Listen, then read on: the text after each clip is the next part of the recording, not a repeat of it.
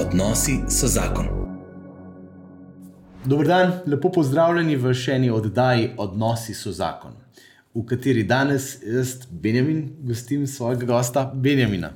Benjamin Tomažič, lepo pozdravljen. Živijo, Benjamin. Živijo, Benjamin. Punoš lepo ime, stari. Ja, ja, zdaj tukaj si lahko da pohvale. se Ja, zdi. ja, ja. Fajn. Dragi poslušalci, a, gledalci, danes bomo a, tako kot ponavadi začeli z molitvijo, potem povemo, o čem bo tekla danes v tej oddaji beseda. V imenu Očeta in Sina in Svetega Duha. Amen. Amen. Vsemogočni Gospod Bog, hvala ti in slava, da si nas pozval v bivanje.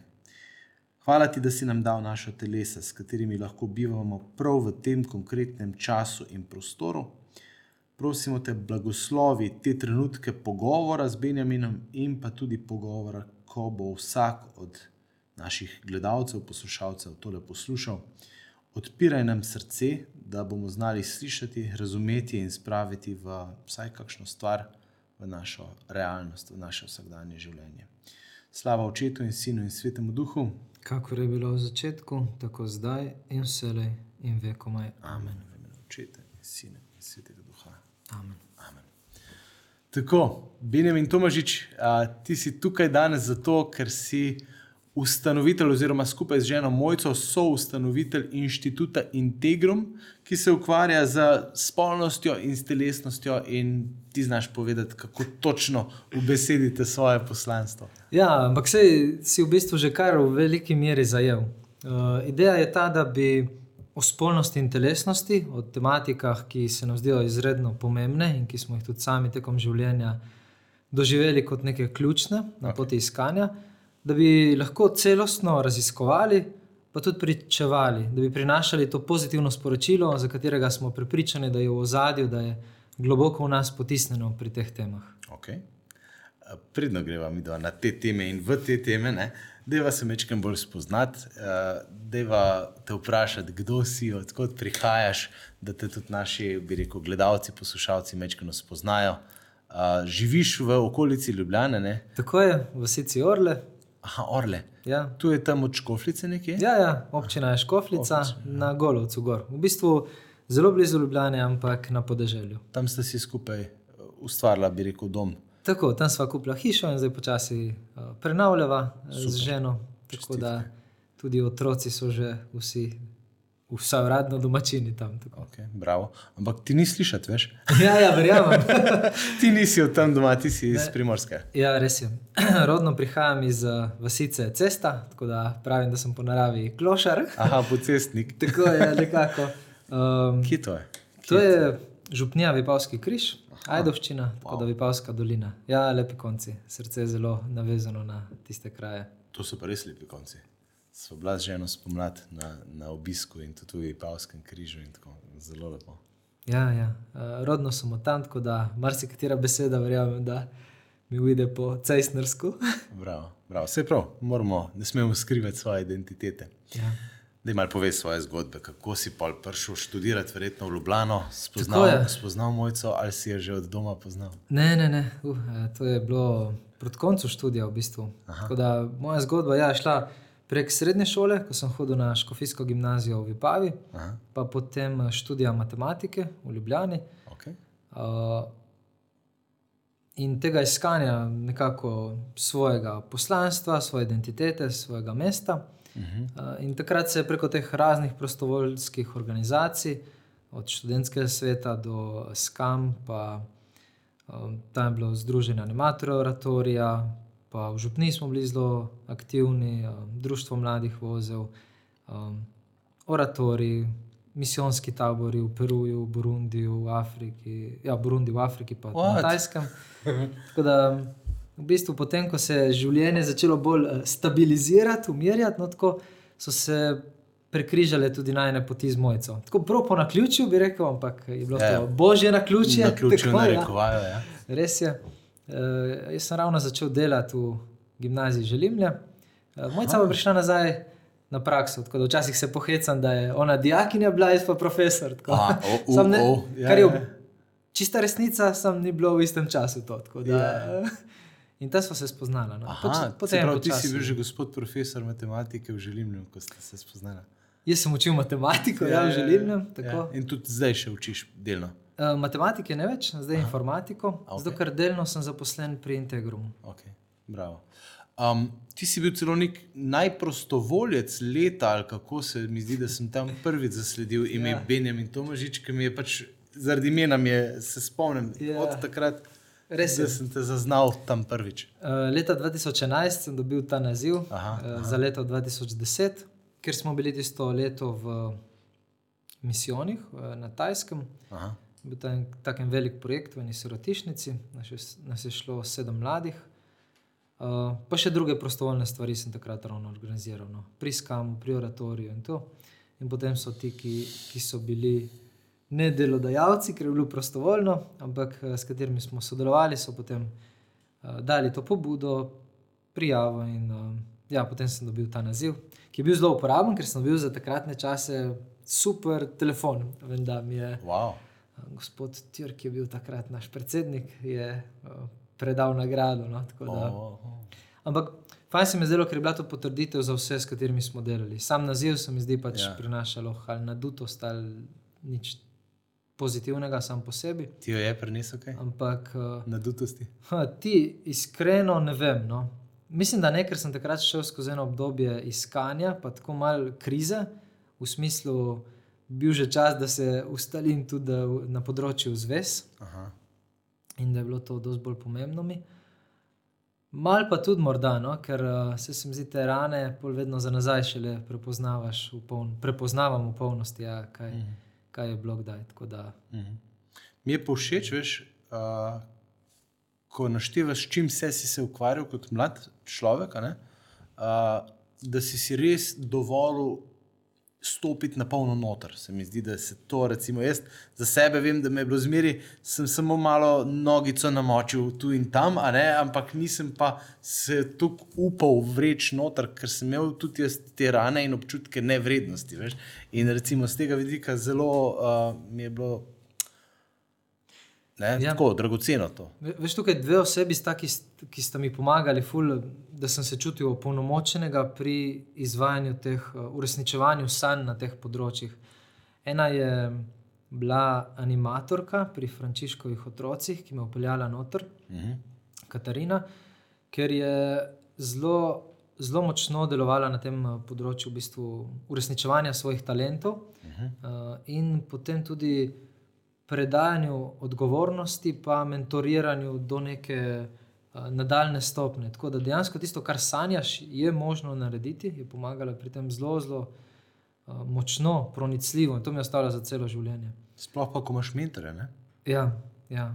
Ja, brez tega se mi zdi, da si prepuščen, ni tako delaš na umnosti, tudi tako delaš na umnosti umestne. Ampak, ko imaš nekoga, na katerega se nasloniš, nek stebr, je pa tako, se mi zdi, tako močna opora, da res mi od takrat naprej že ostaja to, da uh, ko, ko prihajam do določenih vodilnih položajev, v tistem trenutku, ko prevzamem neko vodilno vlogo, da začnem vzgajati nekoga, ki naprej se uči za, za prevzemanje. Se mi zdi to res tak wow. en ključ eh, tega. Podajanja naprej, eh, služenja v bistvu v krščanskem smislu. Uh mhm. -huh. In druga oseba je bil župnik, vlado, ki je prišel tja in je uh, zelo močno podprl, uh, ne da bi vesel, vezal na sebe, ampak uh, zelo uh, pa je bil kot nek od, odrasel, odgovoren, uh, z močnim hrbtom, za slombo, ki je podpiral naše ideje, tudi kakšne bolj nore. Mm. Ampak uh, tako smo mladost, res sem zelo hvaležen, da smo lahko mladost. Uh, Uživali v tem preizkušanju, uh, odgovornem, darovanskem, ampak kako lahko tudi mi delček sveta spremenimo na bolje. To je res. Po drugi strani pa moja ranjenost ali pa tistega, da se nisem na polno upal. Pa bilo kje drugje, ne? v kakšnih odnosih ali pa v študiju, moja uh -huh. mama se je držala za glavo. Ja, ja. ja, ja, ker, uh, si imel toliko tega naokrog, da si potem malo za knjige, redko kdaj pogledal. Si redko kdaj. Meni se je zdelo, da je kar eh, dovolj, no, ampak ja, ja. za mami ni bilo. Zelo malo več časa, ja, ja. ja. To zagotovo. Um, a se ti zdi, da recimo tudi zdaj, ko je tvoj klic to me malo zanima, kako je prišlo do tega klica na to spolnost, po- telesnost, ne? profesor matematike. ne. Recimo, kako si prišel do tega klica, kdaj si se s, tem, s temi temami srečal, ali ste se že vidva z mojco, prav skupaj srečala s, tema, s temi temami. a ne? Pa ali zdaj, recimo, se tudi vidiš, kot, kako zelo so danes mladi potrebni mentoriranja prav na tem področju. Um, zanimivo mi je, ker si prej izpostavil to leto 2011. Za me je bilo kar pomembno. No? Uh, v, v smislu zaključevanja določenega obdobja, tudi takrat sem zaključeval s študijem, pa uh, ravno vstopil v eno službo. In uh, takrat se mi zdi bil en tak čas pri meni za neko samorefleksijo. In se je začelo prav to področje spolnosti, telesnosti, uh, seveda povezano z odnosi, pa s to mojo željo biti v zvezi, postati mož, kazati kot nekaj, kar, kar sem ga zanemarjal ali pa kar ga nisem celostno znal prej uh, ukomponirati v svoje življenje. Okay. Zdaj, tukaj je bila ena močna ranjenost na področju pornografije pri meni, Mhm. pa prav tako močna uh, ranjenost z področja zvez z dekleti. Ko, ko sem imel kar več takih uh, zvez v diaških študentskih letih, ko je prihajalo do zelo močne čustvene navezanosti, tudi telesne intime, ki pa je bolj ali manj vedno ja, pripeljala do nekih uh, ran, težkih zaključkov, bojev.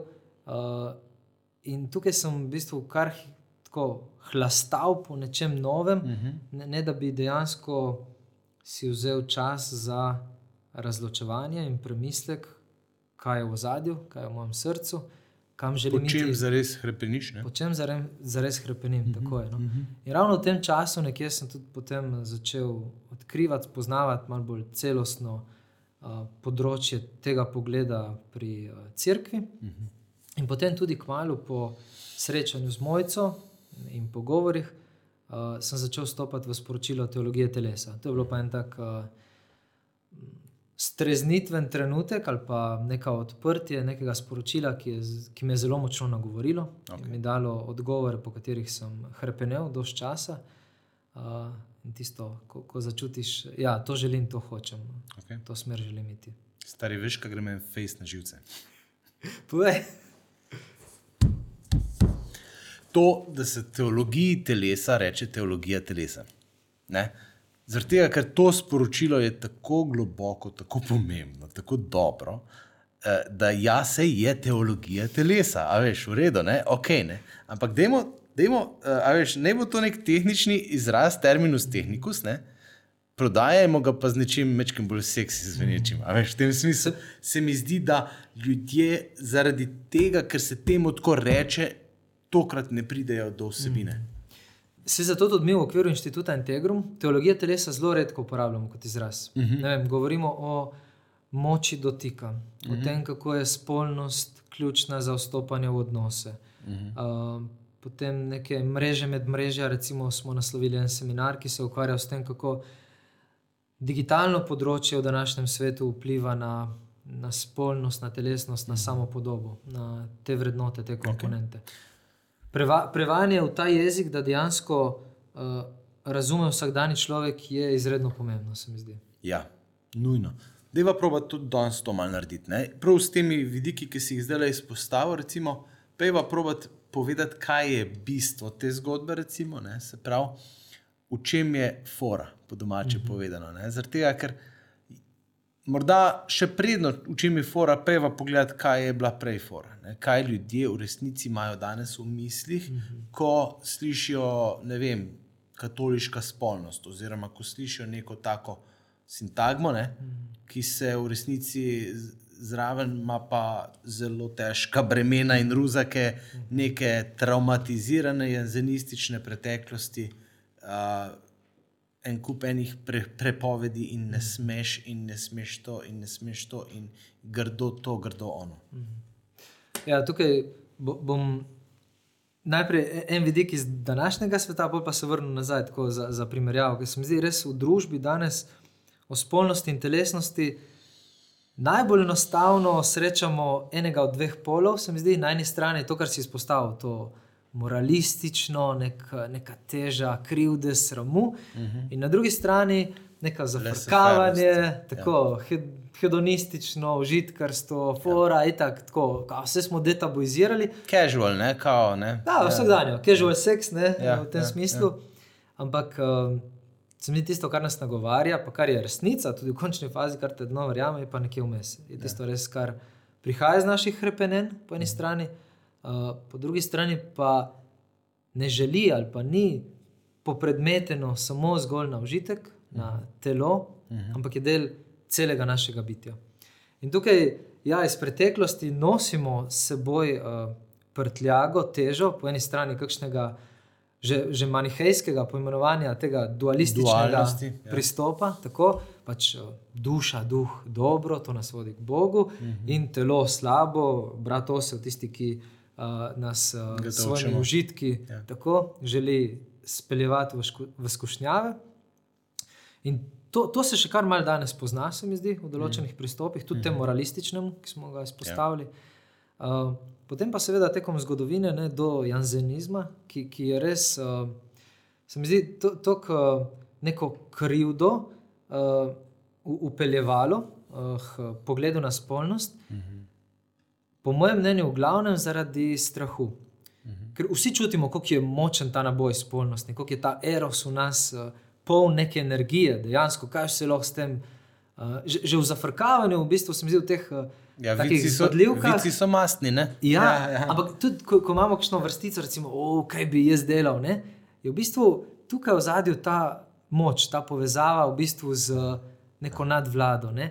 In tukaj, da, da, da bi to obvladali, se mi zdi, je pol nekako ena opcija, da se zapre to v neko kletko, poteši, označi kot slabo, samo za uh, reprodukcijo je dovoljeno. Tako, ne, in pol, pol pride do tega izbruha, ko se to tlači, se mi zdi tudi ta spolna revolucija in to je en Ja. dokaj naraven. Kontrarevolucija, obraz. čista, Tako. ne? se pravi Tako. temu, kar je bilo toliko časa zadržano. Ne? Ja. Vem, kako Christopher West govori o tem, kako je Elvis samo z boki pomigal, veš, pa so padale Ja, v trans. ja, Ja, ja. Uh, ne, danes je treba seveda tega miganja precej več, da kdo ja, pade v trans. Ne, ampak, ampak dejstvo je, da, da so bile te strasti ali pa moč, ne, je bila zelo zavrta, zatrta. Ne. In potem je res totalno šlo v. Uh, Tukaj v resnici vidimo eno tako hudičevo delovanje. Ne? On vedno v resnici stvari ali, ali ti jih ožigosa za slabe in ti jih uniči, ne? ali pa gre v totalno perverzijo tega. Ne? Se pravi, ta spolna revolucija res je. Um, V resnici se je ful začelo s kontracepcijo. Ne? Čko, oziroma, kontracepcija je bila ena zelo pomembna tema že tam v zgodnjih 60-ih. Ja. ne. In potem, ko je prihajala ta pap, enciklika papeža Pavla VI, ne Humane Humane a ne, tako. uh, je bilo že kar pozno. Ne? On je, mislim, da leta 69. Tak, da Ja, tam je, izdal. on je želel dati celostni odgovor in je zato najprej naredil to študijsko skupino Ja. z laikov, medicincev, doktorjev, kardinalov.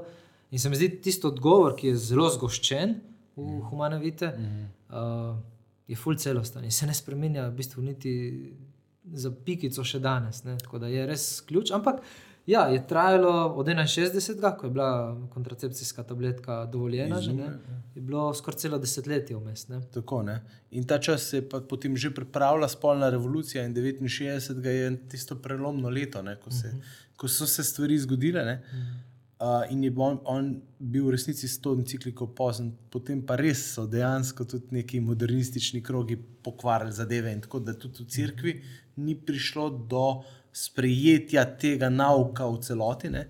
ampak kako široke so posledice tega, je neverjetno. Ne? Ko postane, to zdaj sorry, govorim to, kar bi mogoče mogel ti, ampak ne, loči se dejanje uh, od reproduktivne funkcije ne? in se reče, spolnost je samo vir užitka. In užitek postane kralj in alfa in omega vsega. Ne? Ja, to, to in, izvira iz tistega, kar smo prej izpostavili. Ko, ko naša bitja, mi, osebe, kot jaz, če se ne dojemam kot ustvarjenega po božji podobi, Uh -huh. s telesom, dušo, duhom, tako kot sem z vsem, vse to sem jaz, Uh -huh. potem se začnem secirati in rečem, uh -huh. to je v redu, to je slabo. Ne. In kakor hitro pride do tega, pol se mi zdi, smo to uh, božjo podobnost zamenjali, oziroma si jo prilagodili, tako kot nam trenutno najbolj paše, kar ima pa vedno, vedno za posledice neke rane, Bolečina. bolečino, trpljenje, oddaljenost od Boga in v končni fazi ne prinaša tistega sreče, veselja, za kar se v prvi vrsti vedno znova uh, označuje oziroma propagira. Bova prišla še mečken bolj globoko k temu božjemu pogledu. Ne? Se mi zdi, da je zelo pomemben, da ga dobro razpakirava. Ne? Ampak ja, točno to, ne? ko se secira, ne? se obenem postavi v neko funkcijo. Ne? Se pravi, kaj bi delo beba, ima samo še funkcijo nudenja užitka meni in jo popredmetim, in s tem v bistvu ne gledam več v tej originalni božji celoti, kot praviš. Ne? Tako, tukaj, tukaj smo že dve sporočili od eh, teologije telesa izpostavili. Eno je prav to ustvarjenost po božji podobi, uh -huh. in drugo je dojemanje osebe kot uh, bitja, kot uh, Kant bi rekel, po premisi, ne, kot tistega, ki je cilj, ne pa samo objekt. Sredstvo, ja. Ja. Ja. In tukaj, uh, tukaj v bistvu tudi kot uh, sam spolni odnos iz teologije telesa je spodbujen kot darovanje. Ljubezen ne kot tista, ko si jemljem drugega za lasten užitek, ampak ko se želim darovati drugemu. Tukaj ne gre za to, da bi se odpovedal svojemu užitku ali pa da bi ga potlačil ali pa da bi ga dal na stranski tir. Ampak da ni moj užitek vse, Primarno je je. vse, tako, tako. Da se ne zapiram, ker pol, sej, en kup teh primerov je, ko pride morda najbolj široko razpreden, je prav pornografija, uh -huh. ko v bistvu ne rabim drugega, ne rabim odnosa. Ne, uh -huh. Jaz rabim pornografijo za lasten užitek, zato da se zaprem, uh -huh. da, da pride do tega užitka. Ampak naravna posledica spet je, dolgoročno me to uničuje. Izprazni. Ja. Nisem v odnosu, me ubija, ne, ne živim polno tega, kar sem. Dobro. Um, se mi zdi, da ogromno je teh posledic tega popredmetenja ne, v današnji družbi. Recimo, vsa ta vsa vprašanja, s katerimi se v resnici soočamo, ne, pa ne bodo to vprašanja splava ali pa vprašanja eutanazije na koncu, recimo, so človek kot predmet. Ne. A veš, človek kot predmet, pa tudi v te, vseh teh spektrih spolne ali usmerjenosti, ali pa, ali pa recimo dogajanja. Ne. In mene je res nagovorilo, ko sem nekje poslušal nekoga, ki je razlagal, spolno dejanje, to, ko si rekel, ne, je celostna podaritev. Ne. Je v resnici komunikacija celote mojega telesa, s katerim sporočam, da se nekomu podarjam. Ne. Če se to dogaja izven zakramenta svetega zakona, kjer sta v bistvu dva pred pričami javno izjavila, da si želita zavedno pripadati, ne, je to dejanje laž. Ker moje telo govori nekaj, moja vsa ostala dejanja, vključno z tem, ali si deliva finančni račun ali ne, ali sva pripravljena za skupno prihodnost, za sprejem otroka, za to, pa govori laži, ne, a veš v tem smislu. Tako da se mi zdi, da um, zelo pomembno je, da, iz, da zvedemo cel ta, um, da si spremenimo pogled v resnici, no? da začnemo drugače gledati na vse skupaj. Ne? ne zato, ker ne smeta pred poroko, a veš, ampak ker je stvar v temelju neskladna z resnico na ta način. Ne? Zdaj, kaj pa je ta temelj za tebe, recimo, Benjamin, kje si ti? Kakšne oči, kakšne luskine so ti padle iz oči, ko si začel odkrivati ta temelj, to hrepenenje? Um, na kak način bi to opisal? Um, morda na, najbolj povezano je bilo pri meni z iskanjem identitete. Kdo sem jaz Ja? in kaj je moje poslanstvo. Um, in ob vrsticah, ob katerih smo se že ustavili, to ustvarjam po božji podobi, uh -huh. pa ob tem, kar je potem v nadaljevanju še Kot moža in ljub, žena. kot moža in ženo, to je v združitvi odnosov, ampak še predtem, ljubljeni Božji sin. Uh -huh. To je bilo tisto, kar mi je, se mi zdi, najbolj dalo neko upanje, da lahko pride do spremembe, do očiščenja, da tisto, kar je v meni zakopano, kar čutim kot neko hrepenenje, da je možno tudi dejansko živeti. Uh -huh. To prvič. In drugič, da ne glede na to, koliko sem ga sral, kakšne štale vse so se mi dogajale v življenju, koliko sem jaz prizadel oseb, da sem poklican k temu, da delam dobro. Da tudi ta kri, ki sem jo povzročil, ali pa ki sem sam krvavel, da je kot neko seme, kot tekočina, iz katere lahko zraste nekaj velikega, nekaj, kar, po, po čemer je lahko Bog blagoslov tudi za druge. Mhm. To je bilo tako nekaj, kar temeljno, kar me spremlja še danes, se mi zdi. Uh, v nadaljevanju pa to, kar si izpostavil, ja, kot moža in ženo jo je ustvaril. Se pravi, uh, moje krepenenje je najbližje izpolnjeno v moji identiteti, takrat, ko sem si najbližje z ženo, Mhm. ko se najbolj čutim eno z njo. In ker sem tudi telo, je v fizičnem smislu to zelo jasno, kdaj je. To je takrat, ko smo v spolnem odnosu, Mhm. ko se ljubiva. Seveda so še druge dimenzije tukaj in celostno nagovarjanje. Ampak to je bilo nekako za me um, tako res uh, velika sprememba v dojemanju. In prav spomnim se, uh, tudi spolne odnose sem imel že pred poroko uh, z enim dekletom. Uh, in, in je res t- tako zelo naj upeljalo v eno um, čutno pojmovanje odnosa, ki je potem zasenčilo uh, druga področja. Um, in kako je bila velika razlika potem, ko, ko smo se z mojco odločili, da počakava s polnimi odnosi do poroke, da se trudiva za čistost po poroki, potem kako so mi spolni odnosi asociirali, res dali eno tako uh, neverjetno primerjavo, uh, bližino, podobnost uh, prejema svete Euharistije. Uh, uh Mhm. -huh. Tako res. Prav pretresno me je, se spomnim, uh, potem, ja, kako blizu se mi je zdelo podobno to zaužitje Jezusa v, v hosti. Mhm. Ja, ker tukaj je cela teologija od zadaj, zares. Se pravi, kako je tudi crkva, ne? je Kristusova nevesta, ne? za katero se on daruje na križu. Ne? In s tem to daritvijo, ne? ki jo potem pri sveti Maši vsakeč znova v hosti, v Euharistiji. Ponavzočujemo, se pravi, se, se ne zgodi na novo, ne, kot pravijo protestanti, ampak se uprisotni v času in prostoru, spet. In je spet se da na voljo tebi in meni in vsem nam, ne, kar je noro. Ne.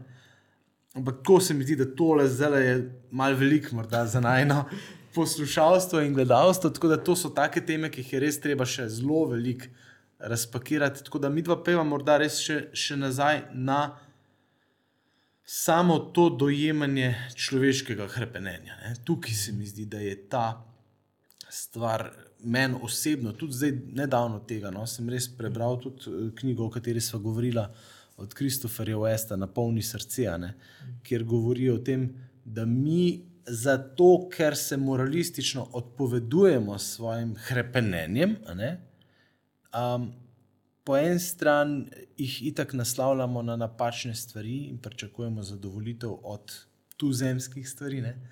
po drugi strani pa pač se temu odpovedujemo, ampak s tem se odpovedujemo moči Erosa. Se pravi, moči, ki je pa Bog dal v nas in je wow.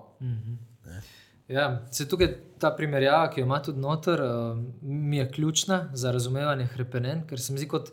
Uh, On da primerjavo, kot da so to neki uh, motori, raketni. Ne? Ja, ja. In da je prvo vprašanje, pač, kaj boš s tem motorjem naredil. A jih boš, boš pokril in boš rekel, pač, tam ni ogromne količine goriva in tega, ne? in pol pač je nevarno, da pride do eksplozije. Prej slej mm. nas raznese zaradi tega zadrževanja v sebi. Mm -hmm. Ali pa da boš rekel, ja, je energija, demo jo, ne? kamor gre, gre. Ne?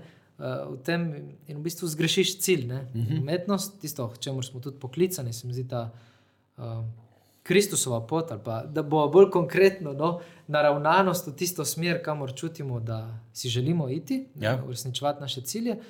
Je pa prav to, da to energijo si priznamo, smo hvaležni za njo Ja, in se jo učimo usmerjati tja, kamor smo poklicani. Ne.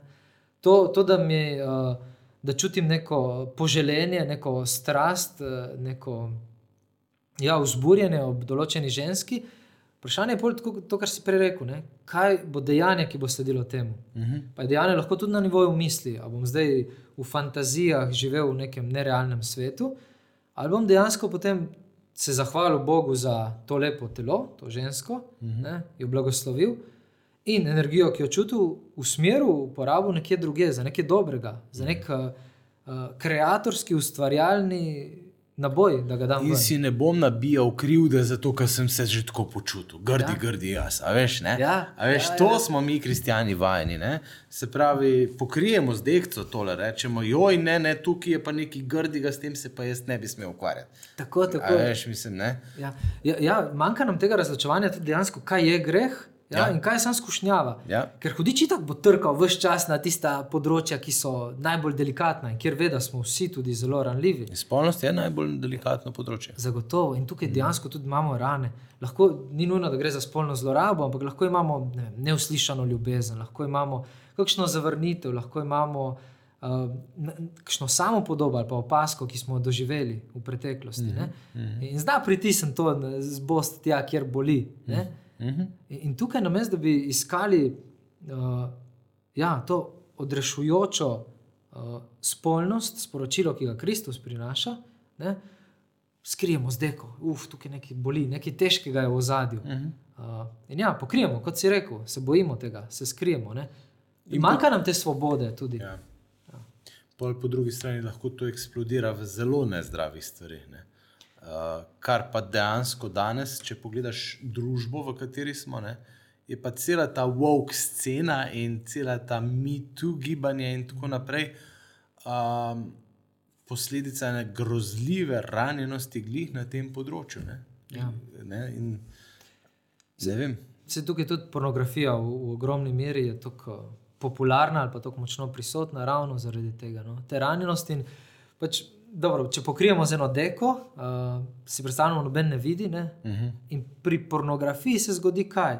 Ja, o teh temah dejansko nekako pridemo v stik z njimi, s tem, kar nas vzburja, kar čutimo, da nekje no, v notranjosti naši nekaj brbota, uh -huh. da želi biti nagovorjeno. Uh -huh. In po drugi strani imamo občutek, da se noben ne vidi. Se, če Ja, grem s telefonom ja. na VC ali pa sem sam doma, pa gledam pornografijo, koga to moti. Uh -huh. Pa pač še zastonj je, dosegljivo je vedno in povsod, ne, brezplačno. Tako da Ja, tukaj se mi zdi, da je tisti hudičeva res top. Uh, ponudba zdaj. No, ampak recimo, glede na čas, ko smo mi dva odraščali, ali pa sploh jaz ne. To se spomnim, smo mogli biti fulkoražni, si šel na stacion, pa si rekel. Eno, o, mamo, prosim, a veš, to, Ja. ja. to, to, to je bilo težko prijeti do tega materiala, pa je bil v podobi. Tiskano, ja, audiovizualno ni bilo nič, ne, ta, Ne, in, videl si. po, ja, zdaj, zdaj je to noro. Da malo piš, kje so danes otroci, no, ko Ja. ja. se srečajo s tem. Sploh pa v vidiku tega, lej, da smo, po, ali pa recimo, če gledajo tole starši, krščanski starši. Ne? Kje so otroci krščanskih staršev, kjer so pa v zadnji vsa ta bremena, o katerih smo prej govorili, dekca, mm. uh, moraliziranje. Jo, zdaj si me spodbudil z vprašanji, ki me, ki me tako nagovarjajo. Prvič, zato ker sem sam starš in ker vem, da moji otroci, moji trije fanti, oziroma četrti, malo tudi. Ja, čestitke. Uh, hvala. So, so v tej družbi, no? odgovor pač ni, naši so nekje v vati zaviti in to.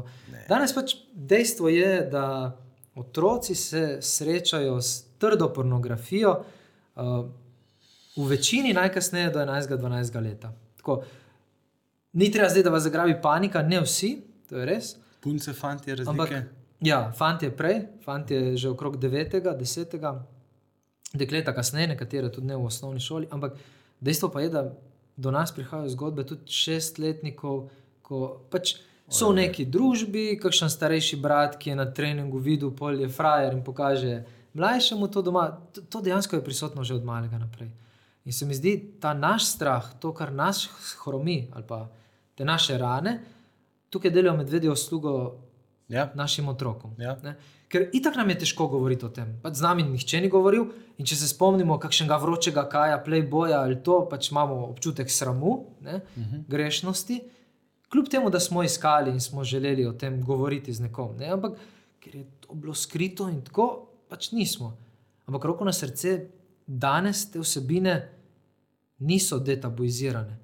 Danes se o njih lahko zafrkavamo, ampak da bi se znali Globoko pogovarjati, pa še vedno zelo težko. ne. Tako, da, bi znali, da bi znali nagovoriti srca drugih, Ja. pa res redko.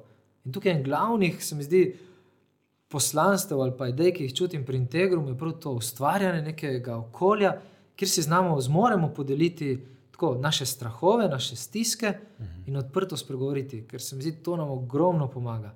Vse so metode, so načini, so aplikacije, ki nam lahko pomagajo.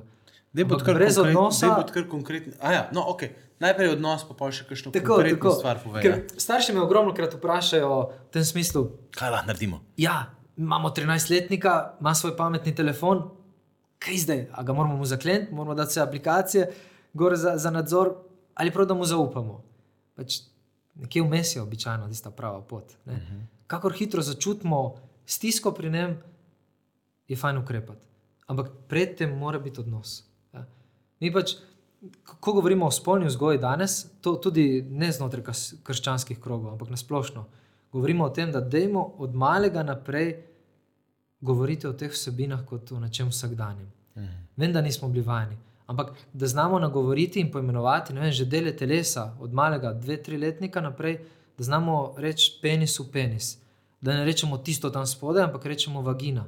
Da razložimo, kako pride do poroda, do spočetja. Pri katerih letih lahko to odprto spregovoriš z otrokom? To, uh, ra- ravno kar pripravljamo en priročnik za starše, kjer bomo poskusili tudi po letih razdeliti, ampak dejstvo je, da se malo razlikuje. Uh -huh. Tukaj deklice prej dozorevajo in tudi zaradi njihovega zgodnejšega vstopa v puberteto je fajn, da smo malo prej pripravljeni. Ampak tako, en, en splošni namig za starše je, malo prej, kot bi se nam zdelo potrebno, dejansko. Pač, jaz, včeraj nas je naš eh, triinpolletnik uh, spraševal, uh, tate, ti imaš tudi lulčka, uh, ne, mama, ti imaš pa luliko. In smo pol naredili debato o tem, kako ja, se pri nas reče uh, lulčku penis, uh, pri mamici uh, vagina. In potem se mu zdelo hecno in se o tem uh, hecal in ponavljal in govoril. Ampak mi je super, da, da zna to poimenovati. Ker tudi ena od prvih preventiv na področju spolnih zlorab recimo, je, da otrok zna poimenovati to, kaj se je zgodilo, kaj je videl. ne. In tukaj je fajn zato, uh, da detabuiziramo na način, da, da delamo to kot del vsakdanjega življenja, da o tem govorimo. Ker se mi zdi tisti pojem včasih, ko smo ga imeli, morda, ja, ja, ko bo dosegel 15 let, se bom jaz pogovoril. Sedu z pa se bom pogovoril. Tako. Ja, ja, ja. In bo vedel, od takrat naprej bo vedel, zakaj je samo zadovoljevanje ni v redu, zakaj je pornografija slaba, zakaj je fajn počakati s polnostjo do poroke. To je konc. Zdaj vse te tri povej, kar si zdaj razumel. zakaj samo zadovoljevanje ni v redu, zakaj je pornografija slaba, pa zakaj je dobro počakati do poroke. Pejmo kar v te tri zelo. Okay, ampak Čist konkretno. ampak sa- samo za sekundo bi se ustavil tam, da se znebiti tega pogleda, da Ja. z enim pogovorom bo, bo, bo Bomo to vse. rešeno. Se ja. tudi mi dva zdaj s tem enim pogovorom Ne bomo bova. rešili vsega. Res je. Ne, a veš, to je čisto eno vod, morda ne bomo še kdaj, ampak tako se mi zdi res fajn, da tudi mi detabuiziramo te teme? Eh, pa hkrati, da res odkrito spregovorimo, pa ne iz moralističnega vidika. Ti si pač povedal, da te stvari niso v redu. Ne? Eh, To smo mi vajeni slišati, da To to, ni v redu. ne. tako, To je ja. ja. grdo. Ne? Jaz vem, da ko se je pri meni to prvič začelo, spolno samozadovoljevanje. Tam nekje, ne, to, to, to je bilo en kup enega moralnega mačka. Recimo, ne. Ja. In pač po svoje je tudi dober, ampak v resnici ti pa čisto še pomaga. Ja, ne. odgo odgovora ne dobiš, ki Ne. bi te zadovoljil celostno. Ne? No, ja, to me zanima zdaj. Ja. Um, jo, jo, res so široke teme, tako da morda samo, da se jih dotaknem. Ampak, ja. Recimo pri samozadovoljevanju je fajn najprej, da imamo malo predznanja o tem, da je normalno prisotno, tako pri deklicah kot fantkih. Sem, sem hiter, recimo, ne, ker družba Ja. splošno, ali pa ko bereš neke revije, kjer so vprašanja glede tega, to kar spodbuja. Ja, To ja, je- vse, vse troje je v redu. To, kar vse v redu. Ja, Ja, ja, ja. ja no, to Ja, hočem ja. reči. Ne, ne, ne, res. Vse se mi zdi fajn, ampak tudi ne bi imel nič proti, če bi gledali drugače, pa če bi želeli dati nek celostni odgovor. Ampak se mi zdi ravno tega manjka. No? In zato sem dosti hvaležen tudi za delavnice, ki jih imamo na javnih osnovnih šolah ali pa študenti, ne vem, škisom in to, ko, ko se lahko odpirate teme, Mhm. ampak se jih naslavlja tako, da se slišimo pa tudi druge poglede, ne samo površinskega. In samo zadovoljevanje ja, v zgodnih letih je običajen pojav. Ko, ko človek začne raziskovati svoje telo v predšolskem obdobju, pride tudi do tega, da uh, spolovila sprožijo neko ugodje, nek uh -huh. užitek. Ne? In pol je pomembno, da kot starši znamo to usmeriti, da vemo, kaj s tem narediti. Uh -huh. In predvsem, da nismo panični, to, kar ste rekli, da ni zaradi lastnega nekega moralizma, uh -huh. naše zavrtosti, zdaj še njega porinemo ali pa oblečemo v en oklep sramu, Ja. ker mu s tem naredimo medvedjo uslugo. Prvič ne bo se tega niti rešil, uh, in drugič, uh, vse čas bo nosil sebi kot ten pridih, moje telo je slabo ali Ja. pa tako, kaj naj s tem naredim. Uh, in samo razdvajanje v tem iskanju, raziskovanju telesa je naraven pojav, ki običajno pred puberteto, tam okrog 6-7 leta, izveni. Pač pridejo druge uh, zanimivosti v življenju, ki so preusmeritve, in k temu je fajn, da otroka tudi malo usmerjamo. Uh, da mu nakazujemo v drobnih pozornostih, se z njim pogovarjamo in tudi znamo usmeriti kam drugam. Potem, kasneje, v puberteti, ko pa uh, lahko pride do tega samozadovoljevanja, uh, ki postane nek ventil, Ja. ja. ker ravno tako se sprošča dopamin. To je v bistvu pri vseh treh stvareh, ki smo jih izpostavili, kar tak ključen fiziološki element za razumevanje zgradbe našega telesa. Uh, dopamin, vemo pač kot. Običajno ga poznamo kot nek hormon ugodja, užitka. Ja. In pač vsi ga imamo v krvi. Hvala Bogu, da ga imamo, ker je ta konstantna raven tisto, kar nas žene v življenju. Zdaj, tisti, ki ga imamo malo više, smo po naravi bolj optimistični, zagnani, polni energije. Uh -huh. Tisti, ki ga imamo malo nižje, smo po naravi malo bolj eh, zadržani, previdni in tako naprej. Okay. Ampak v splošnem, vedno ko pride do nekega dopaminskega dviga, hitrega, uh -huh. tega busta, uh, naj si bo zaradi čokolade, zaradi ja. nekih iger na srečo, igranja računalniških igrc ali pa spolnega odnosa, se zgodi, da ta dopamin hitro poraste. Uh -huh. Zanimivo je tudi, da ob hitrem porastu dopamina vedno sledi tudi hiter, Hiter padec. padec. Mhm. In kar je pomembno tukaj, in se mi zdi, da se premalo to poudari, pa je, da ta padec ne pade na isto raven, kot je bila prej, ampak se spusti še malo nižje. Uh -huh. Se pravi, po tem dopaminskem šusu se počutimo slabše, kot smo se prej. Uh -huh. In to, to je tisto, kar je tukaj en ključni v fiziološkem problem. smislu, Fiziološko, bistvena tako. stvar za razumeti. Ja, ker, ker smo malo slabši, kot smo bili prej, bo logično, da bomo želeli dvigati. In tisto, kar vemo, da dvigne, je to, kar nam je prej boostalo. Vse odvisniško vedenje, se pravi, doza naslednja mora biti večja. Ja, pa naj se gre za čokolado, ki jo pošremo, ne, Ja. ja. ali pa za karkoli drugega. Ampak samo zadovoljevanje je nekaj, kar je, grdo rečeno, ampak vedno pri roki. Ja. ne. Ja. Ja, literally speaking. Ja, do, do besedno, res. Ampak uh, in, in uh, odnosni problem tukaj pa je, da nas zapira, Zapira vase. vase, ja, Tako, To, kar smo prej govorili. Uh -huh. uh, dopamin kot del našega telesa, mm. povezan s spolnostjo, je nekaj dejansko, zaradi, ne zaradi, ampak način, kako smo bili ustvarjeni. In je dobro, -huh. in je čudovito. In to, da ob eh, spolni združitvi z ženo začutim jaz tudi to radost, ugodje, ob orgazmu, da sem srečen, to je super stvar, to, to je res uh, top. Ampak ko mi izuzamemo to, kar smo prej govorili, ko seciramo in damo to stran, mm. samo užitek želim, ne, Ja, brez ja, odnosa, ja. pride do tega, da jaz v polnosti ne odgovarjam na to, za kar sem bil ustvarjen. ne. In, in tudi odnosno, psihološko je to pol, me zapira, vedno bolj samega vas, jaz ne rabim drugih ljudi. In je večja, večji razlog lahko za ne samo za zaprtje, ampak tudi za odvisniška vedenja ali pa za depresijo. In to celo potem se potegne v odraslost, tudi v poročene odnose in tako naprej. In ni redko, da se kdo tudi s tem čist kot poročen. Ne, ne sooča, samo, da ni redko, večina se jih tem Ja, ja, tudi ja. kasneje sooča. Ja. Tudi, recimo, če, če nadaljujejo s pornografijo, Ja. ne, zelo dobro vedo pornografske hiše, zakaj kupijo veliko spletnih strani, ki so, namenjeni, ki so namenjene otrokom. Z risankimi, eh, risankami ali pa igricami, in potem imaš kakšne te pop-up okenca, ki se pojavljajo in vlečejo na pornografsko stran. Razlog je fulj preprost. Če ti dobiš otroka pri devetih, desetih, ki bo postal zasvojen s pornografijo, uh Mhm. -huh. Je Možnost, doba, tako je doba, da bo začel sploh iskati pomoč, približno 30 let. A Ker je, res? tako, ker je v družbi to nekaj sprejemljivega, ker je nekaj takega, da se kompenzira z večino služb, z večino odnosov, in v bistvu to se kar odlaga in se te sploh ne opazi kot problematično. Uh, in imaš ti pa v bistvu enega uporabnika za eno ogromno dolgo obdobje, čeprav pač poslovno gledano je to odličen model, ne, dejansko pa mu uniči življenje. Ne, s tem. Ker pornografija pa ne gre samo za zapiranje vase, kot smo pri samozadovoljevanju rekla, ampak gre za to, da popači tudi odnos. Ne. Ja.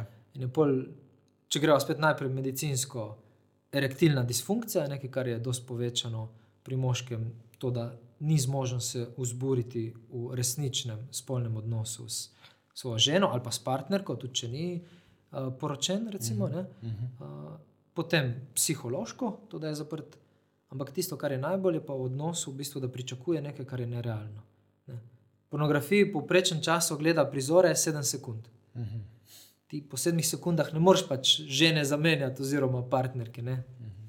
In, uh, Kako pa žene in partnerke dojemajo te zadeve danes, ko se soočijo s tem, da partner, recimo mož, da je zasvojen s tem, ko vidijo, ko, ga, ne, ko čutijo, ali pa kak, kako je to dojemanje, recimo, in kako bi se naj na to odzvali, morda, če obstaja odgovor. No?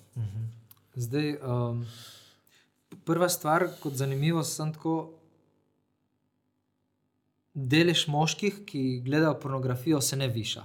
Zato, ker je že tako nad 90% mišljeno, da so. Kaj resno? Ja, enkrat tekom življenja, Aha. okrog 90 odstotkov moških naj bi prišlo v stik s trno por- pornografijo na zahodu. Delež žensk se povečuje in se trenutno ocenjuje, da je okrog 50 odstotkov žensk, A ki so se srečale. Ja, ja. Tako da to, to ni samo stvar moških, tako samo da tudi tukaj detabuiziramo. Um, ampak ja, večinoma je tako, da moški smo bolj podvrženi temu. Tudi ta Smo naš- vizualci, ne? Tako, vizualci, pa ta naš lovski uh, uh -huh. vid, je pač v tem je odražen, oziroma zelo lahko dosegljiv. Um, vsak odnos je nekaj posebnega. In tukaj je fajn, se mi zdi tudi žena, ko pride do nekega takega spoznanja, odkritja, kakorkoli, ali pa do pogovora, ko priznamo. Um, je fajn, da to razločujeta znotraj njunega odnosa. Jaz dobim tudi od katoliških parov vprašanje, kaj pa če skupaj gledava, pa da nam to popestri spolnost. Ne? Kar je legitimno vprašanje, se mi zdi. Uh, ampak odgovor je, se mi zdi, dosti jasen. Ne? Telesa niso namenjena samo užitku, Rekreaciji. ja, tako, ampak so dejansko templji svetega duha. Mhm. In tukaj avtomatsko prihaja do primerjav, do slabše samopodobe, in avtomatsko prihaja do nekega življenja v nerealnem svetu. Kopiranja nekih praks, ki jih vidiš in teh stvari. Ja, ful dobro si To je rekel, kopiranje. posebej, ne. Kopiranje nečesa, kar ni realno. Kar je nerealno. Ja? In zato je logično, da ni dosegljivo tudi. Ja. Ne? Ker ti, ti eh, med realnim spolnim odnosom ne photoshopiraš vmes. Ne? Pa če gledaš, kakšno, jaz sem bral pred časom eno iz- izpoved enega tega spolnega um, igralca v teh filmih. No? noro, noro, na kak način se to. Mislim, to dejansko je šiht, ne? Mislim, ja. grobo rečeno, ampak uh, ni nikakor primerljivo z realnim življenjskim odnosom. Tako. Ja, spomnim se, eno primerjavo je dal en režiser, en najbolj znanih režiserjev v porno industriji. Je rekel, je to je služba. To, to, to morajo tisti, ki gledajo, dojemati, da, je, da ni realno. Pač si tudi jaz, če sem voznik Formule 1, ko dirkam, in tako vozim, kakor hitro le lahko. Ampak ko peljem svoje otroke v vrtec, ja. vozil po omejitvah, počasi. In bi bila ta primerjava taka, mačak. Ljudje, ki so zasvojeni s tem, itak da preoblikuje tvoj pogled. Ja. To so te nevrološke poti, ki jih vsak dan uporabljamo in postanejo del naše. To je problem pri mladih ne, in, in, Ja. ja. in posod, no, ampak pri mladih pa še posebej. Ne. Pri mladih še posebej, ker mi imamo ta sprednji čelni režen, možgane, prefrontalni korteks, ja, ki se razvija šele okrog 22 do 24 leta. Ampak stik s pornografijo pridejo pa deset let prej, kot smo rekli. Ja, ja, ja. In v, v tem času, če je nekaj, kar ti povzroča užitek, Ja. ti, je, je nerealno, da zahtevamo od mladih, ali pa pričakujemo, vedo, da je slabo, zato bodo temu rekli ne. In to je tisto, kar sem prej rekel, odnos pa pomoč pri omejitvah, če govorimo o telefonih. Ne? Mhm. Super, da se pogovarjamo in da zazna mladostnik, da ni najboljš, ampak tukaj rabi našo pomoč. Ne? Ne zato, ker bi ga želeli mi zapreti v neko škatlo, v nek zapor, ampak ker bi mu želeli pomagati postaviti ob tej cesti, ki, ki pelje po nekih vrhovih, ograjo, da se ne potovče, da ne pade dol, da lahko uživa v razgledu, da hrepeni po nečem, kar bo prišlo, Uh -huh. ampak na nek varen način. Uh -huh. In tukaj se mi zdi bistveno, da smo tudi mi iskreni in uh, kredibilni. Tako, vsakemu staršu, s katerim se pogovarjamo o teh, ali nameščati kakšne filtre ali ne, uh, in ko običajno pridemo do tega, da ena stopna je v redu, vedno svetujem, da jih še sebi, enake. -huh. In na koncu tedna, ko se preverja, pokažite še vi svoj telefon. Koliko časa sem jaz bil na YouTubu? Če je mulo bil na TikToku, koliko časa sem jaz ne vem, bral neke novice, ki so mi zapravljale čas. ne, tako. Mhm. Dajmo biti res uh, ogledalo, zrcalo, pa po- povedati tudi otroku, da se tudi mi trudimo, imamo tudi mi boje, ni nujno da enakih, ampak da smo tukaj vsi krhki, ranljivi, da vzpostavljamo odnos, ki gradi na zaupanju, ne obsojanju, ampak temu, da želimo pa iti v neko pravo smer naprej, to pa ja. Pa da ni tisto žugajoče, samo ne smešne. Ja, ja. Ja, ja, ja. Vse je v resnici no, to, kar smo imeli kot tretjo točko, zakaj pa ne smeš spolnosti pred poroko. Uh, Imáš morda kaj prav specifičnega na to temo? Tako? Um, Ne, ma, ker- ma tukaj jaz zelo hitro spet se mi zdi to vprašanje. Se zelo hitro zreducira na nek uh, zakon, na svet, in potem res se vidi samo to moralistični vidik. Ja. Jaz na to vprašanje naj, najraje odgovorim z lastnim primerom. No, tako. Ker vem, To, ko- kar si že povedal. Ja, ko, uh -huh. koliko je mene preplavila ta uh, čustvena, takrat uh, emocionalna, uh, ja, neka sistematizacija oziroma obseg spolnega odnosa, in kako so druga področja potem izgubila pomen, uh, čar, žar, uh, in kako drugače je dejansko, ko je spolni odnos potem znotraj nekega zakramenta Uh -huh. znotraj nekega predajanja, obljube, tudi ne na zadnje, ne da bi bil popoln, kakorkoli, še vedno je se mi zdi spolni odnos nekaj, kar uh, se spremenja in kar raste skupaj z najnim odnosom z ženo. Uh, ampak tukaj je res, se mi zdi tako, ta odrešujoč pogled zraven. Tukaj uh, je spolnost, ki ni sama sebi namen in ki ni namenjena zgolj užitku, in ki tudi ne pusti, ko pride tisti dopaminski padec, ne pusti tistega slabe vesti, slabega priokusa, Uh -huh. uh, ampak me žene naprej, mi daje veselje. Pa dejansko to preizkušanje, ne, ki pravi, da se moraš sprobati. Ne, recimo, ne. Tukaj je tukaj enih napačnih miskoncepcij, bi rekel. Ne, veš, se mi zdi, da si samo omenil to rano tega odnosa, ki je bil prej. tako, ne. Ogromno enih ranjenosti pride. Ne, in je res tisti rek, ko pravi, da hudič dela vse, da bi par pred poroko spravil skupaj v spolnost, pa hkrati vse, da bi par po poroki spravil na razen od spolnosti. Ne. Mogoče deva še malo to. Ja, pač pride do ran, ki so morda v nekem obdobju odraščanja bile v nas usajene, eh, do napačnih ali pa do, do ranjenih odnosov, v katere smo stopili, ali pa smo se tudi v obstoječem odnosu ranili. Ne? Jaz se tudi spomnim, kako bi rekli, Gorenci, sem bil tišast, ko smo sedem let pred poroko hodila, pa kot še zelo mlada z ženo hodila. Ne? In so to tudi rane, ki jih s- drug drugemu prizadeneva, in tudi če ostaneva midva v odnosu, jih preneseva v poročeno življenje.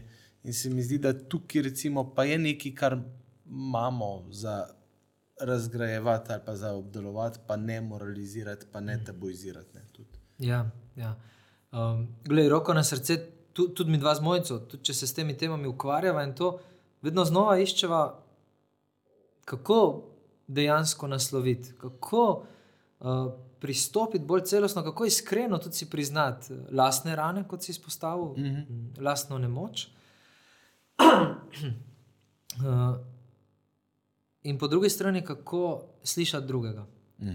In, in tukaj se mi zdi, uh, veš, ta svetopisanska pripoved, ne, kot ta prispodoba, kot moža in ženo jo je ustvaril. Uh -huh.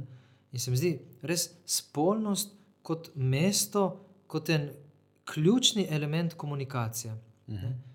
Ampak tako zlagano se mi zdi to, uh, moramo videti, če smo skupaj, In zato moramo imeti spolne odnose pred poroko.